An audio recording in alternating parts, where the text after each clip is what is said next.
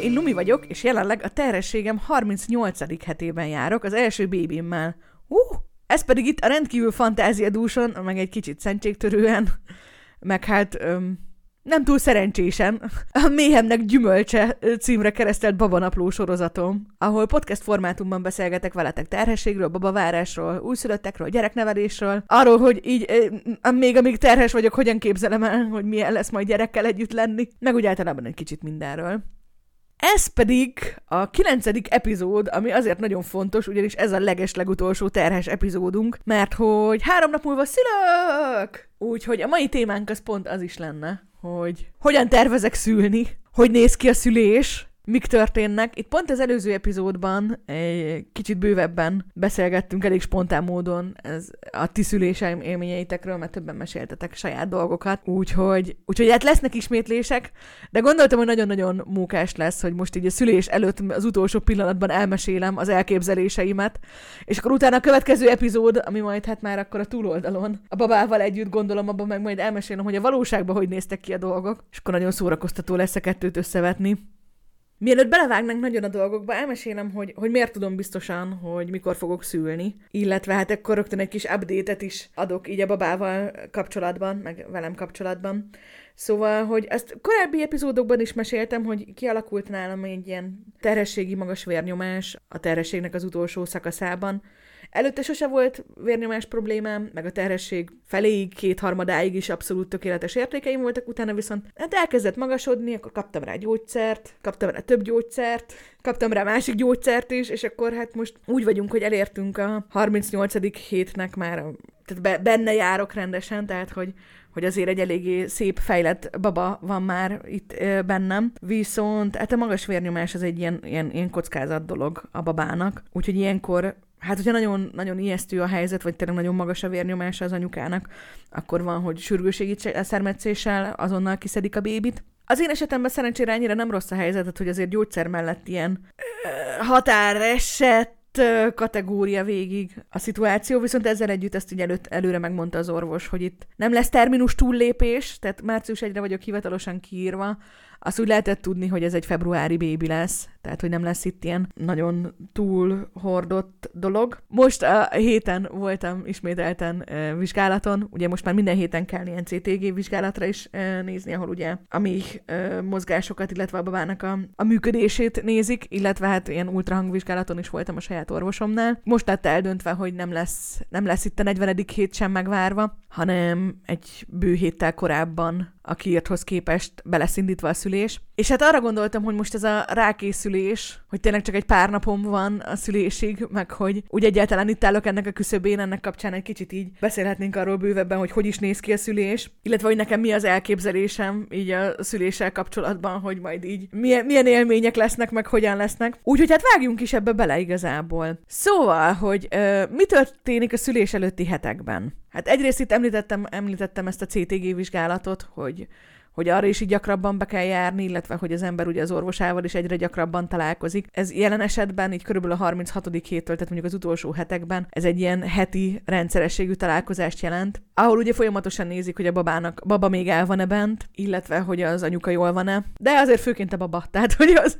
a prioritások a helyükön vannak. És hát ugyanebben a, a, az utolsó pár hétben megjelenik egy pár ilyen új terhes tünet, amik igazából már nem annyira terhességhez, hanem sokkal inkább a szüléshez kapcsolódnak. Ezek közül a leghíresebb az úgynevezett jóslófájások, amik igazából azt jelentik, hogy mint ahogy ugye a szülés előtt is, tehát a szülés az ugye úgy néz ki fizikailag, hogy a mély összehúzódások segítségével bírják arra rá így az anyukának a testét, meg a babának a kis testét, hogy eltávolodjanak egymástól. És ezek a, a mély összehúzódások, ezek igazából már jóval a szülés előtt megkezdődnek. Ilyen kicsit hülyén hangzik, de hogy gyakorlatilag ilyen gyakorlásból. Ezek általában ilyen fájdalmatlan, random időpontokban, sokszor elég sokszor jelentkező, hát igazából gyakorlatilag a méhnek lesznek ilyen izomgörcsei. Na hát ezekkel, ezekkel most már eléggé össze vagyok szokva, sőt, hát így időnként már így azt gondoltam pont, hogy már úgy kezdenek erősödni, ezek már biztos már így a, a jóslófájásoknak a vége lehet, hiszen már ilyen egész komoly görcsök is vannak közöttük. Hát ehhez képest a CTG ugye pont ezeket a, a mély mozgásokat is nézi, és hát ugye a CTG-t kiértékelő orvost én nagyon izgatottan kérdeztem tegnap, hogy, hogy na hát akkor ezek alapján így van-e rá valami jelzés, hogy a baba így el szeretne indulni a közeljövőbe, mire az volt a válasz, hogy elkezdett nevetni. Majd pedig így konkrétan így könnyes szemmel kacagás közben mondta, hogy nem, egyáltalán semmi nincs. Szóval hát beigazolódott az a gyanúm, hogy konkrétan ez a gyerek olyan lesz, mint a 30 éves otthon lakó örök kamaszok, akiket az öreg szülők úgy próbálnak hogy kiebrudalni otthonról, de nagyon-nagyon nem akarnak kiköltözni. Tehát, hogy igen, sajnos a, a bébi sem úgy néz ki, mint aki nagyon-nagyon-nagyon-nagyon-nagyon szeretne, szeretne elindulni kifelé. Ugye a másik olyan dolog, ami még így előjárója szokott lenni a baba érkezésének, az hát a baba kiáratának, ami ugye a mély száj, annak az átalakulása, hogy felpuhul, illetve hát, hogy ugye elkezd kinyílni, ha nem hallottatok még a szülésről semmit, akkor ez most egy különösen is egy gusztusos dolog lesz, úgyhogy remélem, hogy mindenki eszik, miközben ezt mesélem. Hogy van ez az úgynevezett dolog, amit nyákdugónak hívnak, ami pont az, aminek hangzik. Tehát, hogy ez egy ilyen konkrétan nyákból álló dugó, ami ott így az ilyen fertőzéseknek, meg ilyesmiknek a meg elkerülése véget ott eldugaszolja igazából azt az, azt az outputot, amin ugye majd a baba fog kifelé érkezni, és ez a szülés előtt távozik. Hát már hogyha, már hogyha távozik. Az én esetemben, hát nem, hogy ez sem távozik, de hogy így egyáltalán ott az a rész nem úgy néz ki, mint ami úgy különösebben preparálódna arra, hogy itt most majd kiférjen rajta egy baba, úgyhogy egy szomorú idők. Ezzel együtt minden esetre, minden esetre így néznek ki a, a, a szülés előtti dolgok. Hát ezeken kívül nyilván az, hogy itt egy kicsit a magzatmozgás megváltozik, hogy már olyan nagyon kevés hely vannak, itt tényleg így inkább az, hogy úgy nem tudom, hogy pár hónappal ezelőtt úgy rugott egyet, és akkor ilyen jó pofa volt, most meg így tényleg az, hogy a kalácsát így áthelyezi A-ból B-be, és akkor így az egész, az, tehát így visz, viszi magával a, a teljes, teljes, nem tudom, bélflórámat is, vagy szóval, hogy ilyen nagyon-nagyon ilyen furcsa dolgok történnek, tehát nyilván az is nagyon megváltozik. Milyen érzés így, hogy a baba bent van. De hát, hogy alapvetően, alapvetően így néz ki. Így az utolsó heteknek az ideje.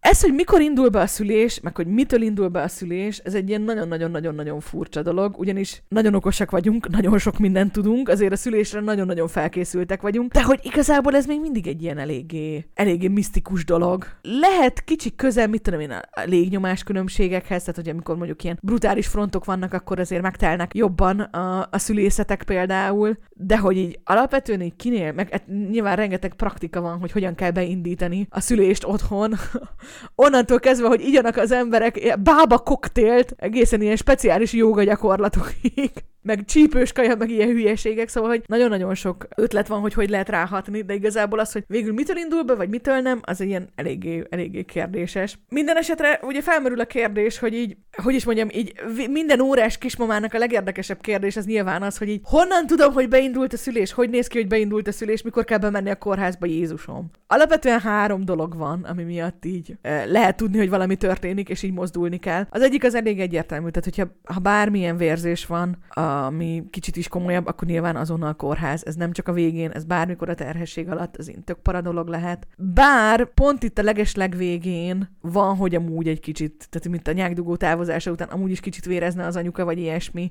Tehát, hogy itt azért egy kicsit megengedőbb a rendszer, de hogy minden esetre az nyilván egy ilyen extra dolog. És hát amúgy meg két dolog van, amivel igazából megindulhat a szülés. Az, egyrészt, az egyik az, hogy a fájások beindulnak. Tehát ugye beszélgettünk ezekről a jósló fájásokról igazából. A rendes fájások a jósló fájásokkal ellentétben tényleg igazi fájások, tehát hogy, hogy sokkal intenzívebbek. Viszont ezek is eleinte ilyen rövidek, ilyen ritkásak, nincsen bennük rendszer, és akkor hát onnan lehet tudni, hogy ezek nem csak jóslófájások, vagy nem csak ilyen kis gyakorlófájások, hanem, a, hanem tényleg a szülés kezdődik, hogy ezek folyamatosan egyre intenzívebbek lesznek, egyre sűrűbbek. A végén már ilyen két-három percenként jönnek is, illetve egyre hosszabbak is, tehát hogy ilyen 40-50 másodpercesekké válnak. Hát ilyenkor kell nagyon észnél lenni, és elővenni egy stopper órát, tipikusan ilyen apuka feladatkör. De így konkrétan így meg kell, meg kell méricskélni, hogy akkor mennyi idő telik el egy-egy fájás után, és hogyha az látszódik, hogy egy ilyen rendszeres pattern van, és az mondjuk már ilyen 5 percenként vannak, akkor be kell, be kell menni a kórházba, mert akkor most már szülés lesz belőle, és kiváló lesz. Szóval ez az egyik dolog, de ez eléggé straightforward, tehát ez olyan, hogy így, ha beindult a szülés, akkor beindult a szülés. És hát a másik dolog, ami meg, ami meg, ami meg olyan dolog, hogy így nyilván a filmekben ez szokott történni, és akkor ez olyan nagyon-nagyon teatrális, ez a, a magzatvíznek az elfolyása ugye bennünk van ez, hogy ott így hirtelen lezúdul egy csomó víz az anyukának a lábán, és akkor így, úristen, elfolyt a víz, azonnal szaladni kell a kórházba. Tehát, hogy ez valahogy így szokott ábrázolva lenni. Ez nem feltétlenül így történik meg. Ha a mészáj közelében reped meg a, a burok, akkor ez tényleg olyan, tehát hogy gyakorlatilag, mint hogyha. Hát az anyukák azt mondják, hogy kicsit ilyen zavarba ejtő, mert így azt érzik, hogy most így tényleg ennyire bepisilt, hogy ez így nagyon-nagyon-nagyon sok víz.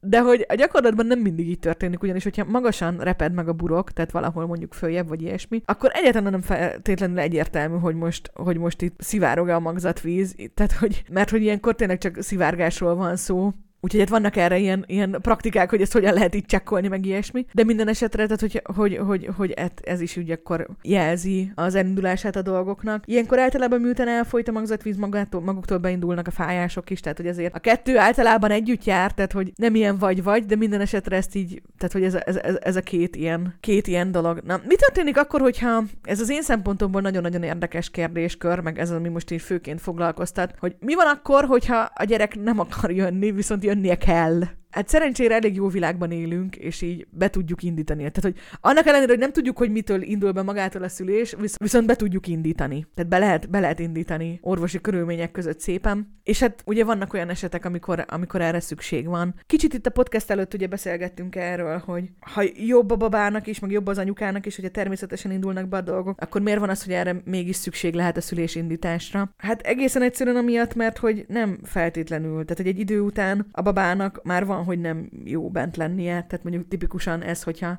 ha mondjuk túllépi a terminust az anyuka, akkor utána már ott a, a rendszerek, amik odáig ellátták a babát, mint mondjuk a, a lepény, ez például ugye egyre kevésbé tudja kiszolgálni a babát, tehát egyre fontosabb, vagy egyre nagyobb biztonságot jelentene ki, hogyha kint lenne. Illetve hát, hogyha mondjuk terhességi diabétesz, vagy tényleg vérnyomás problémák, mint nálam, vagy más ilyen hasonló olyan problémák kerülnek elő, amik szintén nem jók a babának, akkor is ugye elérkezik az a pont, amikor valószínűleg jobb neki már kint, mint bent. Az, hogy ez mikor van, az egy nagyon nagy, nagyon nehéz nehéz kérdés, hiszen a babának minél több időt van bent, annál többet tud fejlődni. Ezt korábban már említettem, hogy az emberi faj az így a terhesség szempontjából nagyon-nagyon perverz. Ugyanis a babák így fejlettség tekintetében igazából nem 9, hanem inkább 12 hónap után érik el azt a pontot, amikor így, amikor így világérettek lesznek. Viszont a nagy okos bucink miatt, hát nem, de már így is nagyon nehezen megoldható a szülés 9 hónap után is. Tehát nagyon-nagyon nehézkes az emberi fajnak a szülése, mint ahogy erre majd még visszatérünk.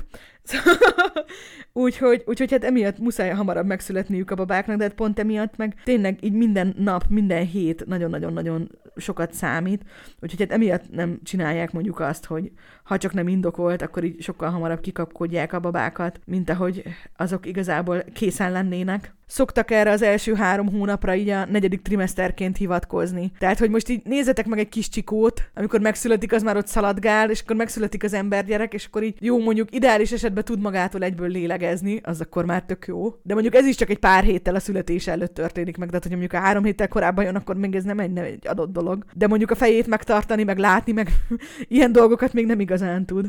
Hogy hát na, az emberbabáknak nem egyszerű, úgyhogy pont emiatt nagyon-nagyon számít. Úgyhogy hát igen, ez nem véletlen egy olyan dolog, ami az orvosokra van bízva. Én azt látom, tehát én, én egyrészt nagyon-nagyon megbízom a, a szülészorvosomban, másrészt pedig azt láttam rajta, hogy azért eléggé komolyan mérlegelte ő is, fel is hívta a, ott a főorvost, hogy átbeszélni, hogy ő így mit ajánl ilyen szituációban, ilyen vérnyomás mellett, hogy most, most induljon a szülés, vagy inkább egy héttel később, hogy hogy legyen. És akkor hát végül ők döntötték el, hogy, hogy akkor így pont a 39. héten a betöltött 39. héten lesz indítva a szülés. De hogy ö, vannak amúgy, tehát olyan, olyan ilyen korképek, betegségek, amiknél mondjuk tipikusan van erre ilyen protokoll, hogy mikor szokták. Tehát például úgy tudom, hogy mondjuk terhességi diabétesznél a 38. hét környékén szokták beindítani a szülést. Ikerterhességeknél is általában korábban. Úgyhogy van sok minden, amire ilyen konkrét protokoll is van, de hogy nyilván minden, minden terhesség, minden helyzet egyedi. Hát a gyakorlatban ez, ez, ez úgy néz ki, hogy hát alaposan megfigyelik az anyukát, meg alaposan felmérik, hogy minden rendben van-e. Van ez az úgynevezett flowmetria dolog, amikor így konkrétan az ultrahangon keresztül nem azt nézik, hogy most így okos a babának a bucia, meg hogy mekkora, meg ilyesmi, hanem így a, a keringést figyelik meg, akkor ez egy ilyen fontos része az előkészületeknek. És ugye minden rendben van, és minden alkalmasnak tűnik, tehát hogy nincsen arra szükség, hogy mondjuk esetleg, tehát nem, úgy tűnik, hogy nincsen akadálya annak, hogy, hogy hüvei szülés legyen, akkor azt mondják, hogy na jó, akkor ezen a napon fogunk szülni, a szülés indítás előtti napon az anyuka befekszik a kórházba, és igazából akkor az első dolog, ami történik vele, hogy éjszakára kap valamit, ami hát elkezdi egy kicsit megnyitogatni neki a, a mély száját. Ez van, hogy egy ilyen uh, gélt használnak, én abban a kórházból szülni fogok, ott ezt az úgynevezett ballonos indítást szokták használni. Ez úgy néz ki, hogy van egy ilyen felfújható húgyhólyak katéter, amit ebben az esetben nem a húgyhólyakba helyeznek be, hanem a, a belső mély száj fölé felvezetik. Feltöltik uh, egy pici sóoldattal, azt hiszem 40 ml-rel. Akkor ettől az, ez az egész rész, a mély száj, az ott elkezd felpuhulni, illetve nagyon tetszik, hogy az angolban ezt nem is púlásnak, hanem érlelődésnek szokták hívni, tehát hogy így ripening, és, és hát ezzel úgy előkészíti a dolgokat. Ugye ez egy elég fontos dolog, hogy, hogy mire fájások beindulnak, már valamennyire mészá is nyitott legyen. Hát ez úgy néz ki, hogy ezt este felteszik, utána CTG-t csinálnak. Nekem például a sógornőm azt mondta, hogy neki egész éjszak óránként folyamatosan nézték a CTG-t. Minden esetre én úgy tudom, hogy emellett azért ott így lehet cundikálni is, meg hogy így szépen, szépen működik a dolog. Időnként ettől amúgy attól, hogy ott elkezd a mészál kinyiladozni, beindulhatnak a fájások is, tehát olyanról is hallottam, hogy valaki ott éjszaka hirtelen megszült ettől, mert annyira sikeres volt ez a dolog, de tipikus első szülésnél pláne az, hogy azért ez egy lassú folyamat, Igazából ab, amit szeretnének ezzel elérni az az, hogy egy kicsit kinyíljon a mészáj, ez reméljük, hogy ez reggelre megtörténik, de hogy, de hogy még ez sem feltétlenül biztos. Most ezt tudom, hogy hülye hangzik, de hogy ezzel kapcsolatban nekem igazából az a fő reményem, hogy hát remélem, hogy hagynak aludni, mert én Nekem picik az energiatartalékaim, én úgy gondolom saját magamról, nekem nagyon nagy igényem van az alvásra, és hogyha úgy kell reggelnek járnom a szülésnek, hogy eleve ilyen azért fáj a fejem, meg így ki vagyok, mert nem aludtam, akkor ott mondjuk azért lehet, hogy lesznek több gondok. Na hát minden esetre tehát, hogy, hogy, hogy beteszik ezt a dolgot, és hogyha minden rendben van, akkor reggel szépen kiszedik. Vagy nem is kell kiszedni, mert hogy annyira jól működött a dolog, hogy egyszerűen csak kicsusszan saját magától, lekopogom, ez történjen. És hát akkor ezután történik meg a, a beindítása a szülésnek. A szülésbeindítást kétféle módon csinálják, mint ahogy ugye szó volt erről is, hogy mi az a két dolog, amivel ugye jelzi, hogy beindult a szülés.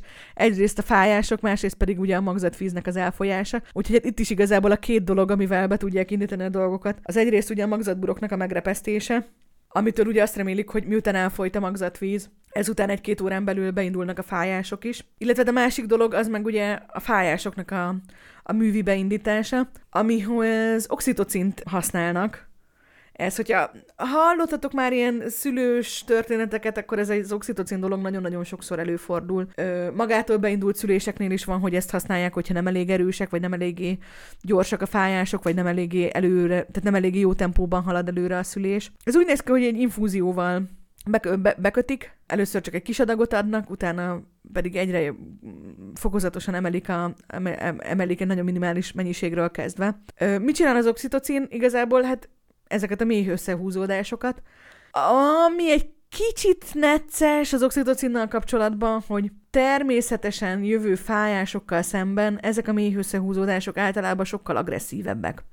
Tehát, hogy ezt nagyon sokan mesélik, hogy, hogy nagyon durvák, tehát, hogy, hogy hirtelen, tehát, hogy gyorsabban is jönnek, meg erősebbek is, ami a szülés szempontjából, tehát hogy is mondjam, orvosi szempontból ez tök jó, mert ugye gyorsabban halad előre a dolog, több energiája marad az anyukának, mire odaérnek a végéhez. Egyszerűen így jobban lehet vele nyomulni.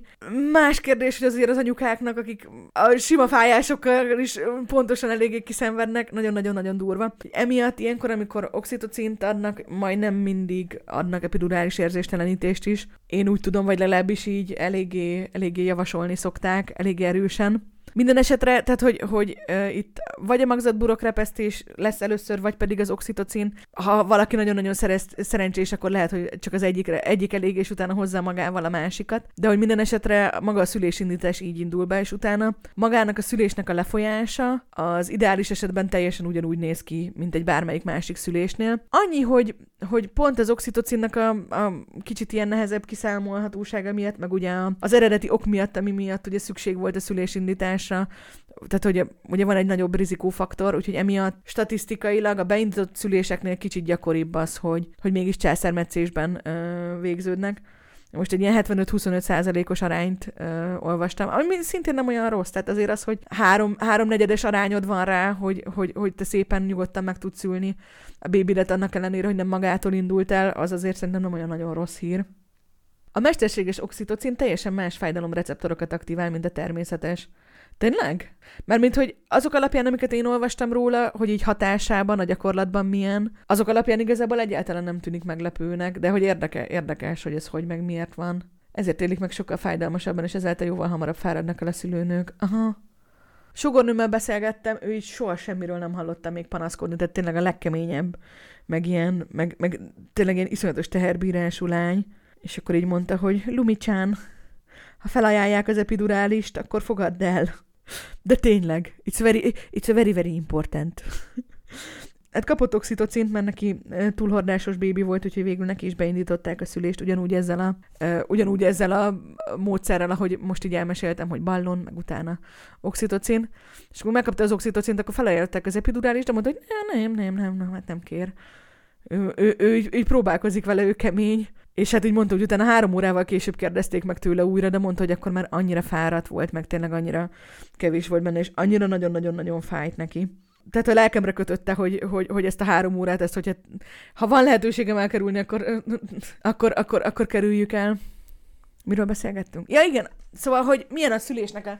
Tehát a második, második dolog, hogy oké, okay, akkor beindult a, beindult a szülés, hogyan néz ki? Hogyan, hogyan néz ki egy szülés?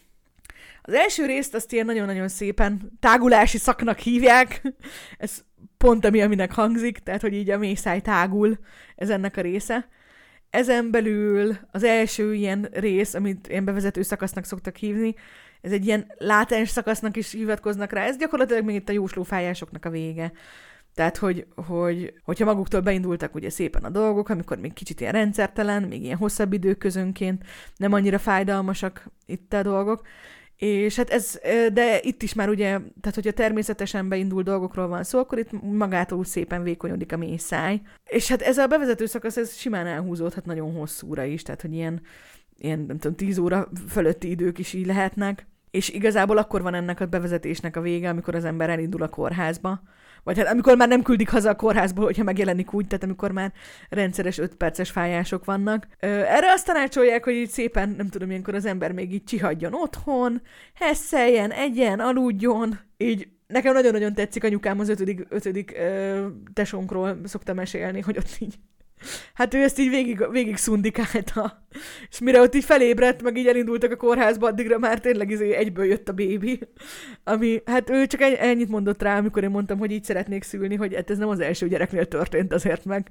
De minden esetre nagyon tetszik a történet, hogy átaludta igazából ezt a szakaszt. Ezt követíted, ezt a bevezető, bevezető szakaszt, az aktív szakasz, ami, tehát ez a klasszikus vajúdás tehát amikor ezek a fájdalmas, rendszeres fájások jönnek, ilyen, ezek ilyen derékkörnyéki, övszerű, ilyen fájdalmas összehúzódások, egyre gyakoribbak, egyre hosszabbak, a végén már ilyen közel egy percesek, tehát ez a 40-50, de akár 60 másodperces hosszúságúak is lehetnek. Hát itt aztán minden lehet. A hányinger, hányás, vérzés, ez, ez, ez tényleg egy ilyen, ilyen, ilyen, nem tudom, nagyon kemény időszak.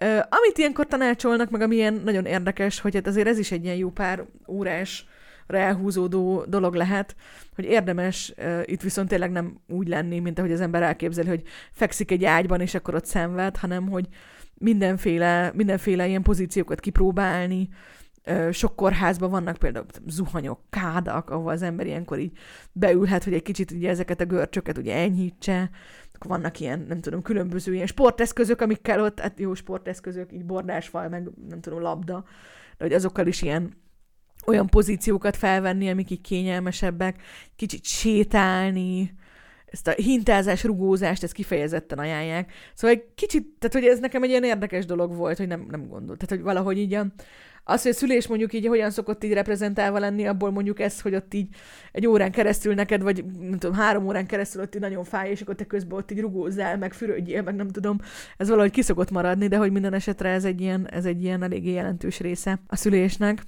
amíg, ezek az, amíg ez, a, ez a rész megy, ilyenkor folyamatosan vizsgálják már a babát. Egyrészt ez a CTG-k is, tapancskorongok is rajta vannak majdnem végig folyamatosan az anyukán, tehát hogy ugye nézik, hogy, hogy, hogy mi, egyrészt, hogy milyen erősek a fájások, milyen gyakoriak, ugye ezt is így jelzi a mi mozgásnak a megfigyelője, másrészt meg, hogy a baba hogy van. Ugye lehetséges olyan, hogy itt a nagy rákészülés közben valami történik a bébivel, például mondjuk itt a köldögzsinór tekeredik, vagy ilyesmi, és akkor mondjuk hirtelen leesik a szívhangja, az akkor nyilván egy olyan dolog, amiről fontos tudni. Illetve hát még két dolgot néznek, egyrészt, hogy jó helyen van a, a babának a koponyája, ha, ha a ba- babának így a kimeneti része nincs így az output, output nyílásba helyezve, akkor nehezen fog kijönni. Illetve hát ugye a mészáj méretét is folyamatosan nézik. Ugye úgy van, hogy elkezd a, a mészáj vékonyodni, ugye elkezdődik, hogy 1 cm, 2 cm, és a szüléshez egy 10 centire van szükség. Tehát, hogy itt az a, az a lényeg, hogy ebben a szakaszban itt odáig kéne eljutni, hogy egy, egy 10 centis legyen a mészáj.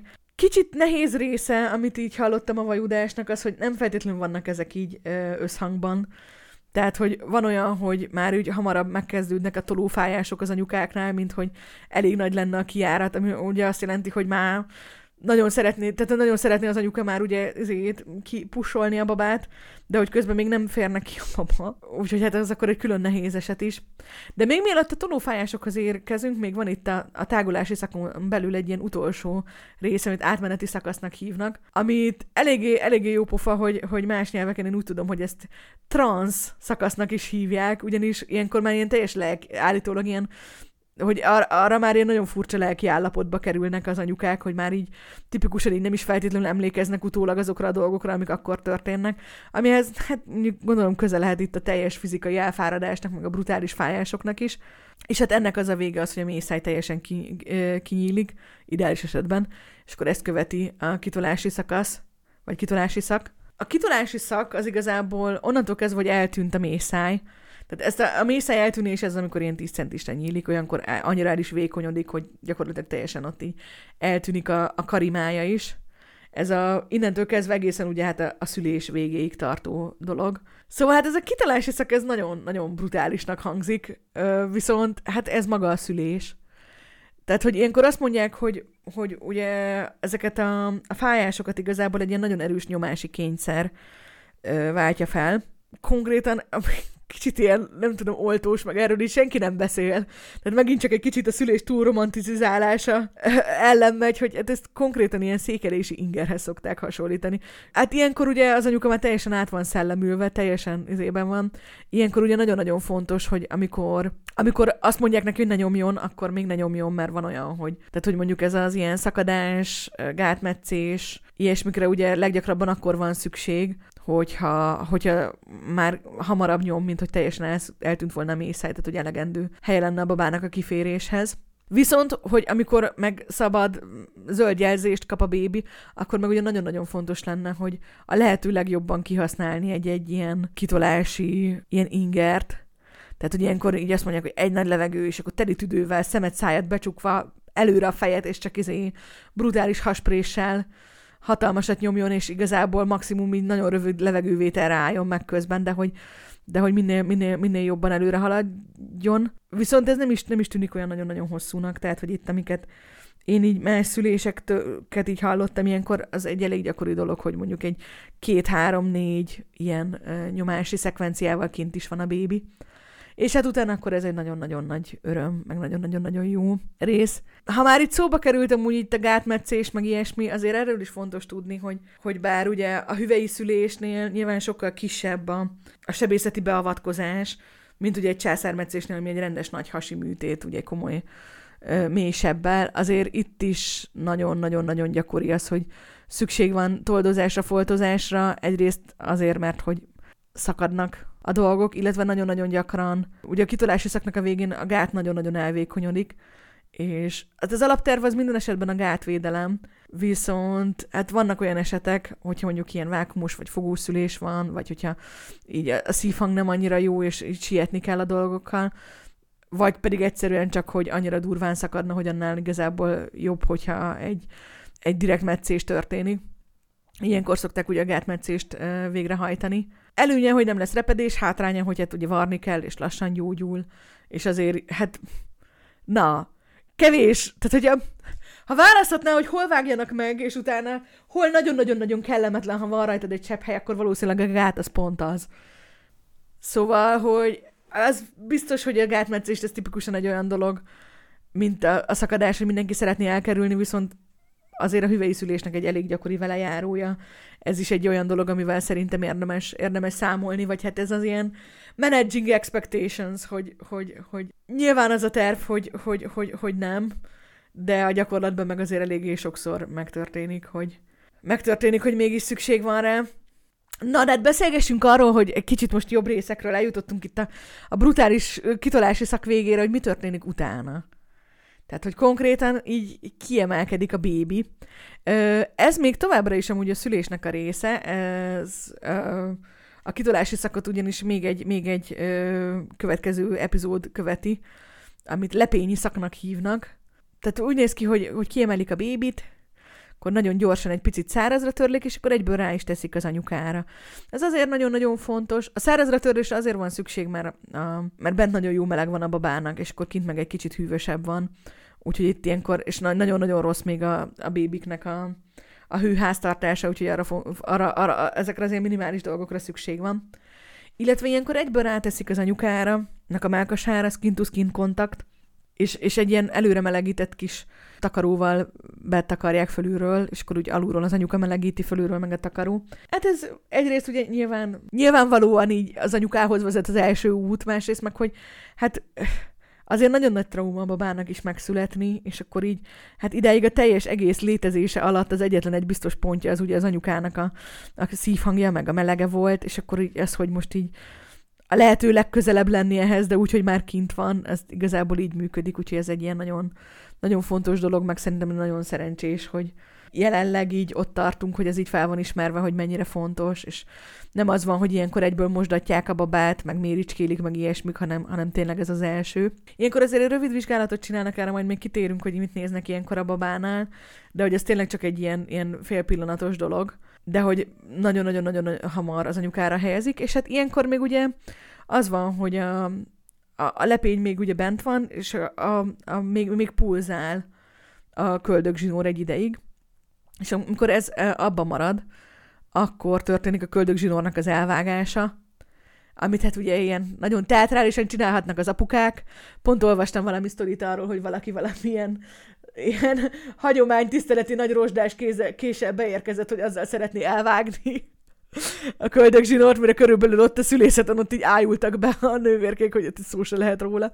De nem, nyilván egy steril, speciális ollóval vágják el a köldögzsinort, tehát nincsen benne semmilyen nagyon-nagyon extra. Hát ekközben, ekközben csak tényleg ilyen minimális vizsgálatokat csinálnak, így próbálnak azért így minél jobban több nyugit biztosítani az anyukának, aki hát ilyenkor ugye fizikailag már teljesen készen van, meg nagyon traumatizált ő is, meg a baba is traumatizált. Viszont hát folyamatosan csekkolják, hogy, hogy hogy áll a lepény. Illetve ilyenkor uh, van, hogy még extra oxitocint adnak, amitől ugye még erősebb mély összehúzódások jönnek még itt a végén, amitől ugye leválik a lepény, és ilyenkor hát általában már én pár préselés nyomás után meg is szülik az anyukák a, a méhlepényt. Ezt ilyenkor az orvosok nagyon alaposan átnézik, mert ugye könnyen történhet olyan, hogy a méhlepényből mondjuk egy kis darabka bent marad, és az viszont akkor komoly gondot okozhat, vagy ilyesmi. Úgyhogy hát erre, erre akkor nagyon odafigyelnek, de hogy minden esetre a lepényi szakasznak, vagy szaknak ez igazából a vége. És hát ilyenkor már azért inkább a, a babán van a fő hangsúly, hogy vele mik történnek, meg hogy meg hogy hogy működnek a dolgok. Ezt az időszakot, ami, ami így közvetlenül ugye szülést követi, ezt aranyórának hívják, ami azért nagyon vicces, mert igazából nem egy óra, hanem általában tradicionálisan két óra. És ilyenkor még a anyuka, apuka és a baba is együttben maradnak a szülőszobán. És, és hát egyszerűen ez igazából arról szól, hogy nyilván a babát egy nagyon-nagyon szoros megfigyelés alatt tartják, meg hát nyilván az anyukát is egy nagyon szoros megfigyelés alatt tartják, meg így végig csekkolják, hogy minden rendben van-e, de hogy hát másrészt meg, hogy arról szól, hogy egy kicsit így összeszokjanak. Ugye egyrészt ugye kezdődik ezzel a skin to skin de hogy mondjuk ha ha a baba így mondjuk tényleg így jól adaptálódik, akkor, akkor mondjuk ez alatt, a pár óra alatt így egyre éberebb lesz, és egy idő után be is indul az ilyen keres, kereső reflexe, és akkor, akkor, akkor már ugye szopni szeretne, ugye akkor ki lehet próbálni ezt, hogy akkor legelőször így merre tenni, kipróbálni, hogy az így mennyire megy neki, ott akkor tudnak segíteni. Illetve hát ezzel párhuzamosan nyilván, hogyha az anyukán kell valamit varni, amit valószínűleg kell, akkor, akkor azt is megcsinálják. Ilyenkor így van egy ilyen kis multitasking, hogy ha nem ragaszkodik nagyon hozzá az apuka, hogy közben áll legyen a bébi, akkor ilyenkor azért így szeretek egy, egy picit elvinni, pucolgatni a babát, meg adni rá egy pelenkát legalább, hogy valami. De hogy minden esetre, minden esetre így a kórházak nagy részén ezt azért így eléggé komolyan veszik, hogy, hogy tényleg ez az idő, ez arra van, hogy, hogy egy kicsit így összeszokjon ez a hármas, vagy kettes.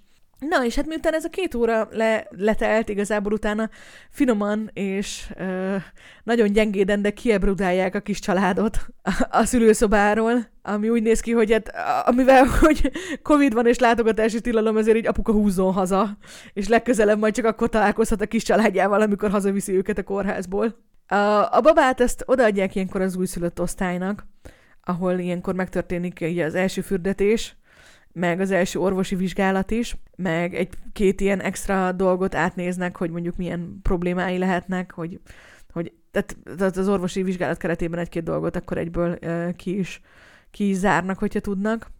Hát az anyuka pedig, hogyha jól van, akkor akár a saját lábán, hogyha kicsit rosszabbul, akkor nyilván átolják, de hogy a, hát a, a szobájába, tehát hogy a szülőszobából ki. Ja igen, arról ö, azt, nem említettem, de hogy, hogy igen, tehát amikor a, amikor a babák megszületnek, akkor velük pontosan mi van. Igazából az, hogy, hogy van egy kis hőmérséklet különbség a benti világukhoz, meg a kinti világhoz képest, az egy picit, picit szándékos is, ugyanis a, a felsírás ez pont emiatt a hőmérséklet különbség miatt történik meg. Ami egy ilyen nagyon nehéz dolog lehet, hogy amikor megszületik a baba, akkor van, hogy ez a felsírás akár egy 30 másodpercek később is történik meg. Amit úgy el tudok képzelni, hogyha kijön a baba, és akkor így telnek a másodpercek, és nem sír fel, nagyon-nagyon para lehet.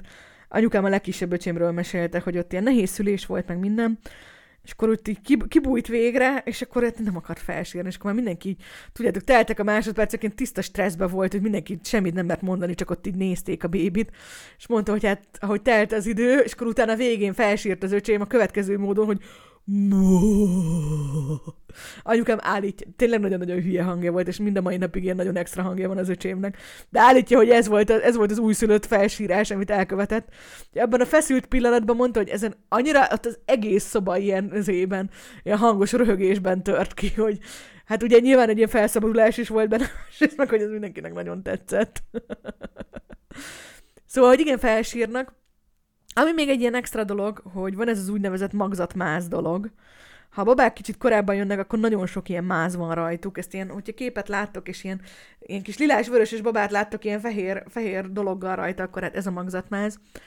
E, ez, ez igazából, hogyha mondjuk időre jövő babáknál már viszonylag kevés van, tehát főként csak az ilyen hajlatokban, meg, meg tudom, fejükön, meg ilyen helyen szokott így maradni. És ezt igazából nem is törlik le, ez egy nagyon egészséges dolog a babának, és így, ahogy telik a múlik az idő, igazából ez fel is szívódik. Ugye azt így tudjuk, hogy nagyon-nagyon-nagyon fontos, hogy hát ilyen jó kis kompetitív babákat neveljünk, és hát ezt nem lehet eléggé korán kell kezdeni, úgyhogy emiatt van egy ilyen nagyon furcsa, vagy hát nem nagyon furcsa, van egy ilyen besorolás, ami alapján rögtön születéskor így pontszámokat adnak a babáknak. És bár logikus lenne, hogy cukiságra, meg húsiságra adják, de igazából ez az úgynevezett Abgar rendszer, amiről én beszélek, ez úgy néz ki, hogy, hogy a babát egy perces korában és öt perces korában is megnézik, öt különböző szempontból, és ezekre adnak pontokat. Az egyik a légzés, a kisbabáknak a légzése az olyan, hogy hát 40-60 lélegzétvételük van percenként, ez kicsit ilyen szabálytalan. Ez, hogyha ennél kevesebb, vagy úgy nagyon pihegnek, akkor ilyen 0-1 pontot kapnak, hogyha meg nagyon ügyesek, akkor meg két pontot. A második kategória szívfre- szívfrekvencia, ami ilyen 120 és 160 ö, között normális. A harmadik, ami eléggé vicces, a szín, ugyanis hát ö, gyakran van, hogy a babák, amikor megszületnek, még eléggé, hát konkrétan ilyen hupigék, törpigék színűek, tehát hogy ilyen kékesek, van olyan is, hogy nagyon sápadtak, a, a cél az az, hogy ilyen kis egészséges rózsaszín babaszínük legyen. Van olyan is, hogy egészséges rózsaszín babaszínű a pocakjuk, de mondjuk a, a kezeik azok még kis lilásak, hát ez alapján kapják itt a besorolást. A negyedik kategória az izomtónus, tehát az, hogy ott mennyire mocorognak, mennyire kis pegyhüttek, mennyire rugdalóznak. Az ötödik pedig a reflexek. Már amikor a babák megszületnek, akkor is van egy csomó ilyen vele született reflexük. Például uh, említettem ezt az ilyen kereső reflexet, de mellett mondjuk a nyelő reflex, lépkedő reflex akár, az átkaruló reflex, tehát egy csomó minden ilyen nagyon érdekes dolgot tudnak, és akkor nyilván ezt is megnézik. És akkor hát ebből így ezt ugye a babának egy perces, meg öt perces korában ezt megnézik, és akkor ebből kap egy ilyen 10 per 10-es besorolást, hogy így mit tud, ami így nagyon vicces, meg nyilván akik kicsit olyan, olyan, olyanok, azok nagyon szeretik mondani, hogy ó, hát nekünk 10 per 10-es babánk volt, ami hát pont annyira vicces, mint amilyen viccesnek hangzik, de hogy attól még ez nyilván nem véletlenül figyelik ezeket a dolgokat. Ha minden rendben volt a szülés körül, és hüvei szülés volt, és teljesen egészséges anyuka és baba is, akkor az szokott lenni a cél, hogy egy 48 óra után hazaengedjék a, az anyukát és a bébit. Ez most a Covid miatt még, még, még, még komolyabban van véve, még jobban le van rövidülve. Nem nagyon, tehát hogy ha, ha csak nem szükséges, akkor nem tartják tovább bent a, a babókat. Viszont hát ebben a két napban is elég sokat vizsgálják őket, tehát itt viszont tényleg próbálnak minél több ö, vizsgálatot becsempészni. Egyrészt vannak fizikális vizsgálataik minden nap, akkor így megnézik a keringésüket, a légzésüket, hogy mennyire adaptálódnak, mennyire tudnak alkalmazkodni, a kis idegrendszerüket, hogy ö, kialakul egy sárgaság. Ez az életeni sárgaság ez amúgy normális, és egy kismértékben szinte mindenkinél, minden babánál szokott lenni. Sajnos nem bírom ki, hogy nem meséljem el megint a történetet, amikor a védőnő mondta a testvéremnek, hogy hát, hogy apuka egy kicsit, kicsit, kicsit be van, kicsit sárga a baba. Mire így a tesom gondolkodás nélkül mondta, hogy hát igen, igen, az anyukája japán. És akkor a védőnő megnézett rá, hogy nem, nem rasszizmusból mondom, élettani sárgaságról beszélünk. Ha egyetlen egy sztoriban kéne amúgy a szülőségét összefoglalni a testvéremnek, azt hiszem ez lenne az. szóval, hogy ezt a sárgaságot is figyelik, hogy ne legyen, ne legyen nagyon-nagyon gáz. Illetve ilyenkor csinálnak egy hallásszűrést is, illetve, hogy amikor letelt ez a 48 óra, tehát már is így elég jól van a baba, olyankor, olyankor egy vérvételt is csinálnak. Ez állítólag nagyon-nagyon ijesztő, mert a kis sarkukból úgy kell egy pár csepp vért kicsalni, hogy ez sikeres legyen. És hát ki hogy a babáját megszúrják. Minden esetre ilyenkor anyagcsere, pajzsmirigy betegségeket tök jól tudnak már csomófélét szűrni, ami azért így szerintem eléggé lenyűgöző, hogy tényleg egy ilyen párnapos babánál ennyi mindenki tud derülni. Illetve a hazamenetel előtt még szintén csinálnak egy csípőszűrést, ezt aztán kicsit később egy ortopédorvosnak meg kell ismételnie, tehát hogy azért ez nem ilyen százszázalékos dolog, de hogy akkor is mondjuk, hogyha ha valami komoly gond van, akkor mondjuk arról eléggé hamar infót tudnak kapni a szülők, és akkor ennek függvényében magasabb prioritásként kezelném, hiszen nem tök jó. Illetve hát ilyenkor már rögtön az első oltását is megkapja a baba, ami hát nem az Putnyik 5, sajnos, de hát legalább ennyire fontos, ez a BCG oltást kapnak, ez ugye tuberkulózis elleni. Ijesztőnek tűnhet, hogy tényleg egy újszülöttet oltanak, viszont tehát ennél az, e, e, ennél az oltásnál pont nagyon-nagyon fontos, hogy még mielőtt ugye im, kifejlett immunrendszere lenne a babának, már akkor rögtön megkapja, mert egyszerűen ez így működik. Na, és hogyha ezek mind megvoltak, akkor utána mondják a babának, hogy adnak egy puszit a pocójára, és akkor mondják neki, hogy bon voyage! és mehet, me, mehet haza az anyukával, meg az apukával mínuszpontot ér a lila haj. Nem, a haja a babáknak a senkit nem érdekel a, a szülőkön kívül. Engem érdekel, mert hogyha hajjal születik a gyerekem, akkor nagyon-nagyon-nagyon-nagyon sok fogadást veszítek el az a helyzet. Hát szóval normális esetben egy ilyen beindított, vagy akár magától induló szülésnél ugye így néznek ki, így néz ki így a, a kórházi bentartózkodás. Most ugye ennek egy alternatívája van, hogyha, hogyha nem hüvei szülés történik, hanem császármetszés. Most császármetszésből is ugye két fajta van, ugye az egyik nagyon humorizáltunk azon, hogy a programozott császármetszés. Erre akkor van szükség, hogyha már látni a, a szülés közelgő időpontja előtt, hogy fekvési rendellenesség van, tehát mert mondjuk a baba nem a bucikáját, hanem a popóját illesztette bele az output nyílásba, vagy egyszerűen csak keresztben fekszik. Lehet olyan, hogy az anyukának van valami oka, Például mondjuk tipikusan, hogyha, tehát mondjuk személyzeten mondhatják azt, hogy, hogy, hogy nem ajánlják a természetes szülést az anyukának, mert mondjuk nagyon magas dioptriája van, és akkor olyankor már komoly rizikót jelentene. Van olyan is, hogy egyszerűen valami ortopédiai indikáció van, ami miatt mondjuk nem szülhet az anyuka. De amennyire én tudom, még akár ilyen pszichiátriai ok is lehet, illetve hogyha valami nagyon ö, veszélyes terhességi korkép alakul ki, például mondjuk ez a terhességi toxémia, akkor előre megbeszélik, hogy na hát akkor, akkor itt császármetszés lesz, meg van adva, hogy melyik nap. A, a másik pedig ugye sürgőségi császármetszés, tehát hogy az bármikor kiderülhet, lehet olyan, hogy egyszerűen csak úgy hirtelen azt mondja az orvos, hogy na most azonnal.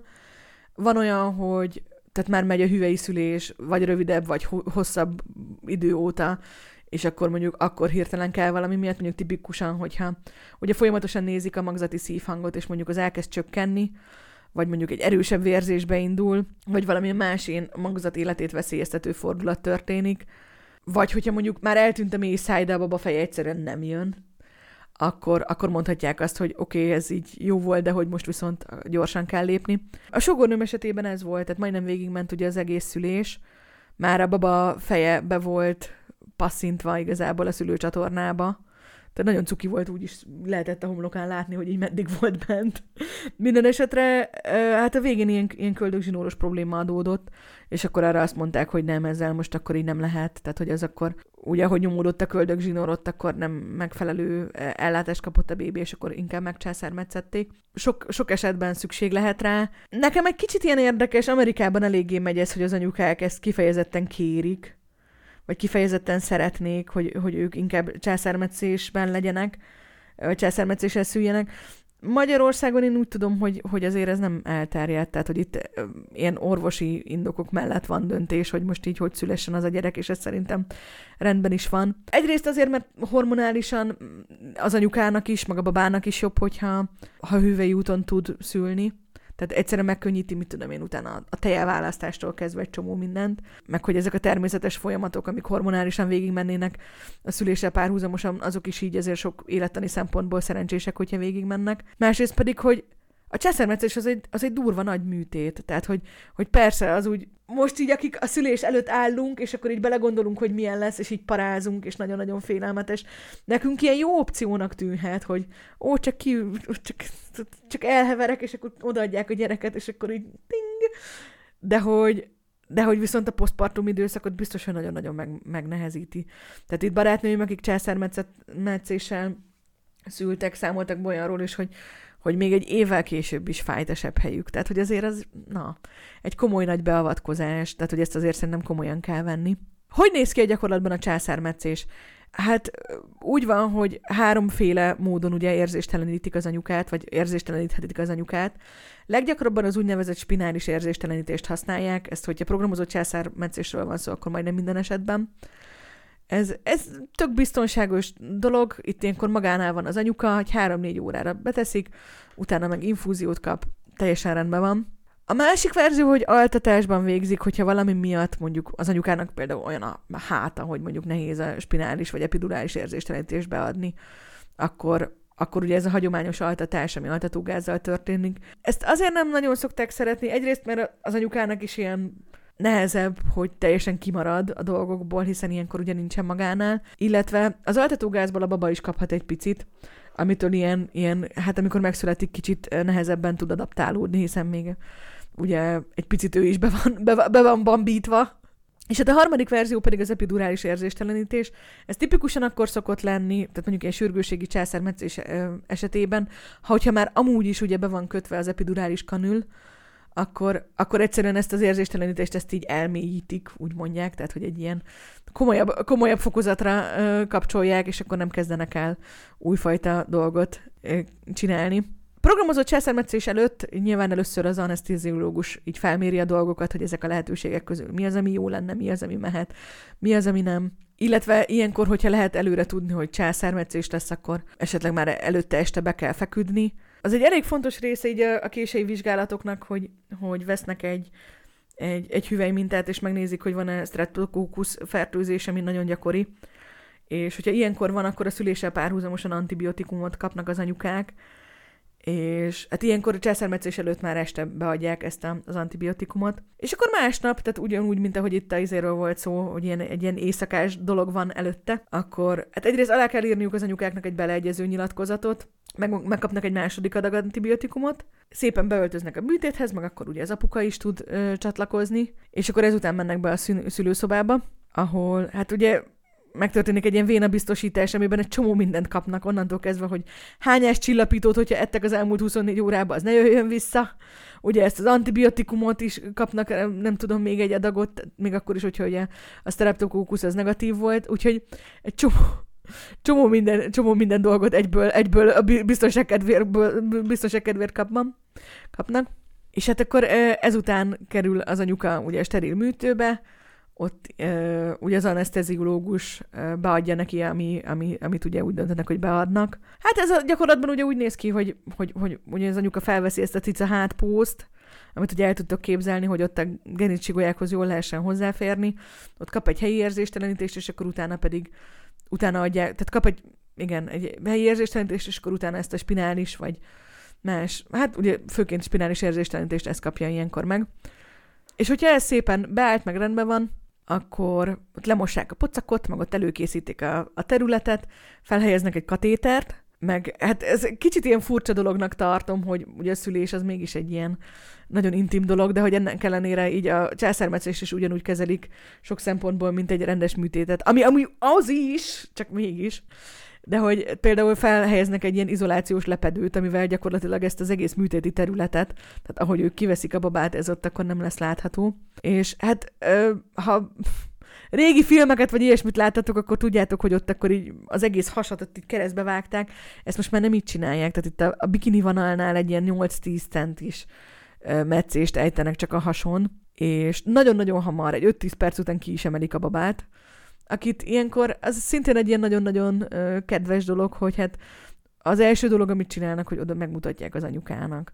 Ugye itt a spinális, meg epidurális érzéstelenítés ö, alatt az anyuka magánál van, tehát hogy azért úgy így, az, hogy, az, hogy csak egy picit, picit is az, hogy ott így oda tudja dugni a, a kis órát a babának az órához, ez szerintem egy annyira kedves, meg, meg ilyen ö, klassz dolog.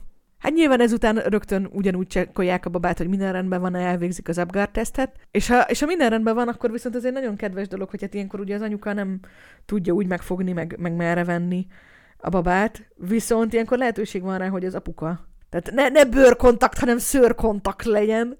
Tehát, hogy magához, magához vegye a bébit, és akkor ugye, ahogy így el volt, elmondtam, hogy a, az első pillanatokban ugye az a anyuka így, hogy a teste hőjével melegíti a babát. Hát ugyanezt történik meg a császármetszéses babákkal, csak ugye az apukájuk melegíti őket. Szerintem egy nagyon kedves lehetőség. Nekem több ismerősöm is azt mesélte, hogy akiknél ilyen császármetszés volt, hogy ők úgy, úgy érezték, hogy az apukával pont amiatt ilyen különleges kontaktja lett így a babának, mert hogy így ő vele töltötte az első időket. És szerintem egy, egy szép, vagy jó, hogy erre van lehetőség. Hát ezzel párhuzamosan persze történik a, a, a, a többi dolog, tehát az anyuka továbbra is nyitva van, ugye áll a lepény, ott van a köldögzsinór, amit tudom én micsoda, tehát hogy ilyenkor még ugye be kell fejezni a műtétet, Elég érdekes, hogy amúgy, tehát hogy ez császármetszéses műtét, ez körülbelül egy, nem tudom, tehát hogy szó volt erről, hogy mondjuk egy 5-10 percen belül ugye kín van a bébi, de mondjuk innentől kezdve a műtétnek a további része az még egy 40 perc, tehát hogy, hogy igazából a baba születése után még elég, eléggé, eléggé sokáig tart.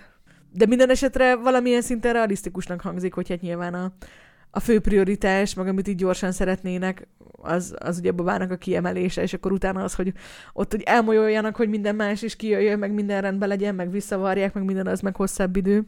Minden esetre, tehát hogy, hogy miután ez ugye megtörtént, és visszavarták az anyukát, utána hát annyiban, annyiban változik a program, tehát még egy üvei szülés után még arra is van esély, hogy az anyuka a saját lábán sétáljon vissza a szobájába. Itt uh, nyilván, nyilván nem ez történik meg. Tehát egyrészt még ugye ilyenkor átkötik infúzióra, ahol fájdalomcsillapítót kap, illetve marad a hólyakatéter, illetve a pocakjára ilyenkor egy homokzsákot szoktak az anyukának tenni, és az nagyon-nagyon fontos, hogy az első 6 vagy akár 8-10 órát is teljesen vízszintesen kell az anyukának töltenie. Van ez az úgynevezett, amit spinális fejfájásnak hívnak, ami egy nagyon-nagyon-nagyon kegyetlen, így a szülés követő pár napban jelentkező ilyen brutális migrénhez hasonló fejfájás, amit így a, a spinális érzéstelenítésnek, vagy az epidurális érzéstelenítésnek a mellékhatása lehet. Emiatt azt javasolják, hogy ilyenkor a fejet egyáltalán nem szabad felemelni, mert az ilyenkor van, hogy segít ennek az elkerülésében.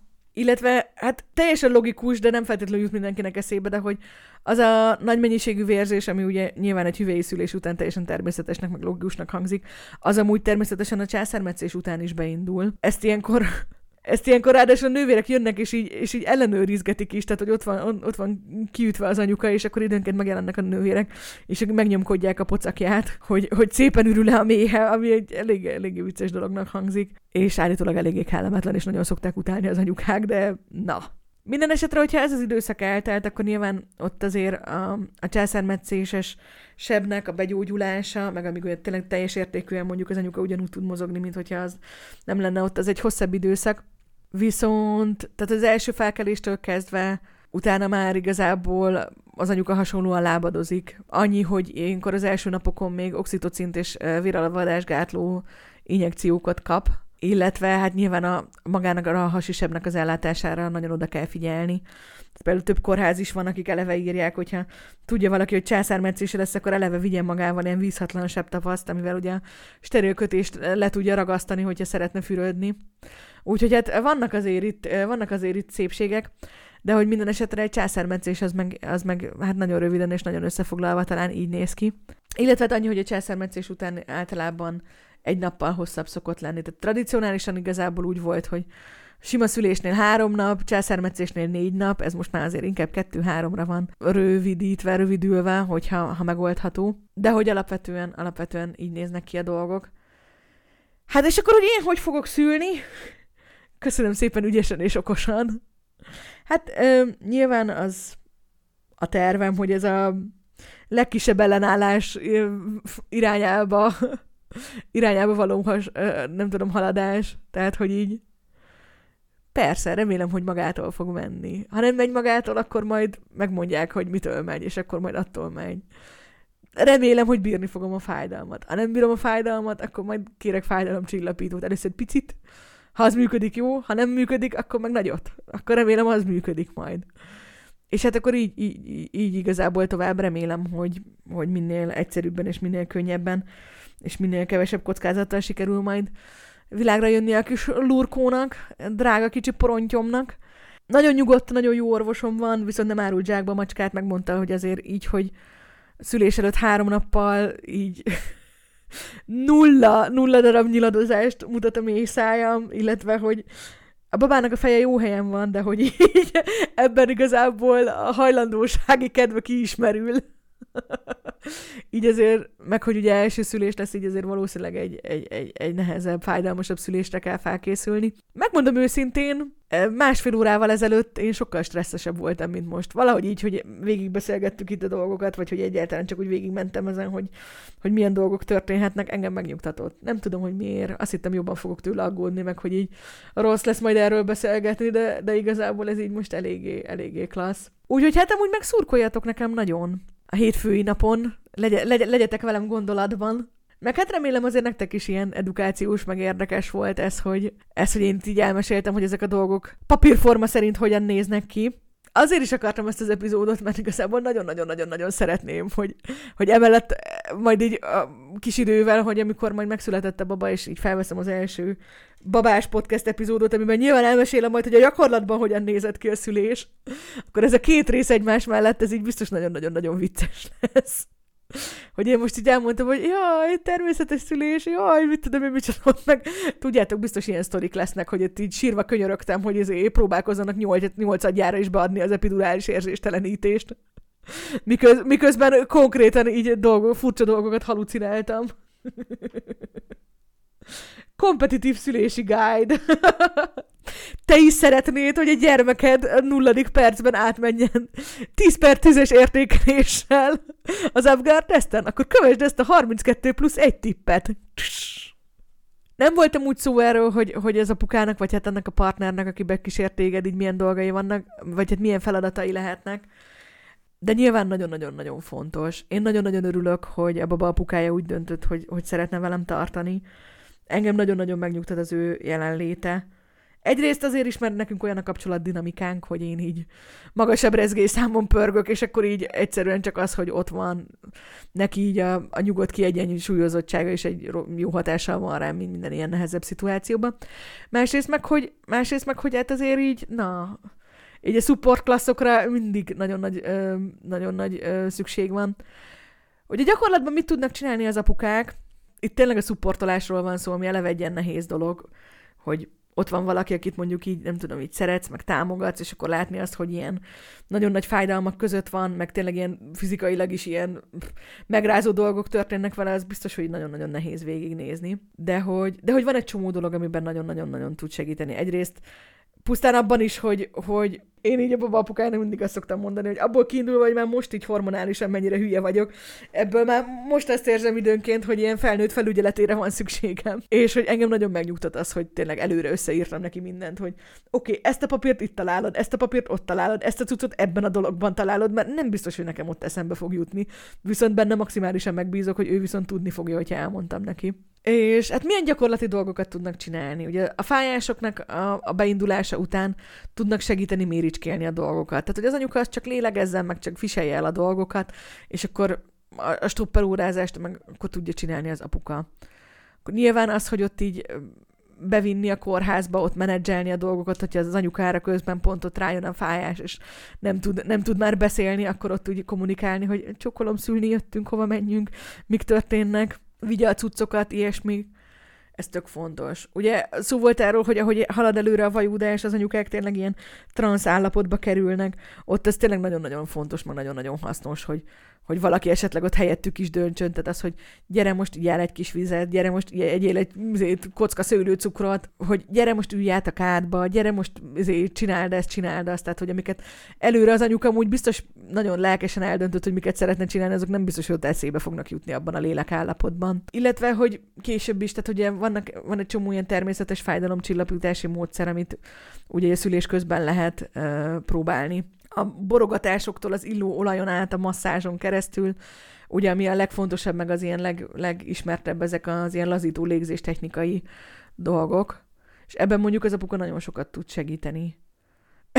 Elég jó volt, mert én, hát én kigyűjtöttem ilyeneket, hogy, hogy, hogy milyen ilyen légzéstechnikai gyakorlatokat ö, érdemes csinálni, meg így próbálgattam őket egy kicsit így így ö, gyakorolni. Nagyon egyszerűekre gondoljatok, tehát hogyha életetekben jogáztatok, akkor valószínűleg valami hasonló ilyen lézéstechnikai dologgal találkoztatok, tehát ez amikor a, az orrodon beszívod a levegőt, bent tartod egy kicsit, és akkor hosszabban már szájon keresztül kifújod, és akkor közben így számolod az időt, tehát hogy amúgy is, hogyha ha hajlamosak vagytok ilyen stresszelésre, meg ilyesmikre, akkor ezzel biztos, hogy találkoztatok már.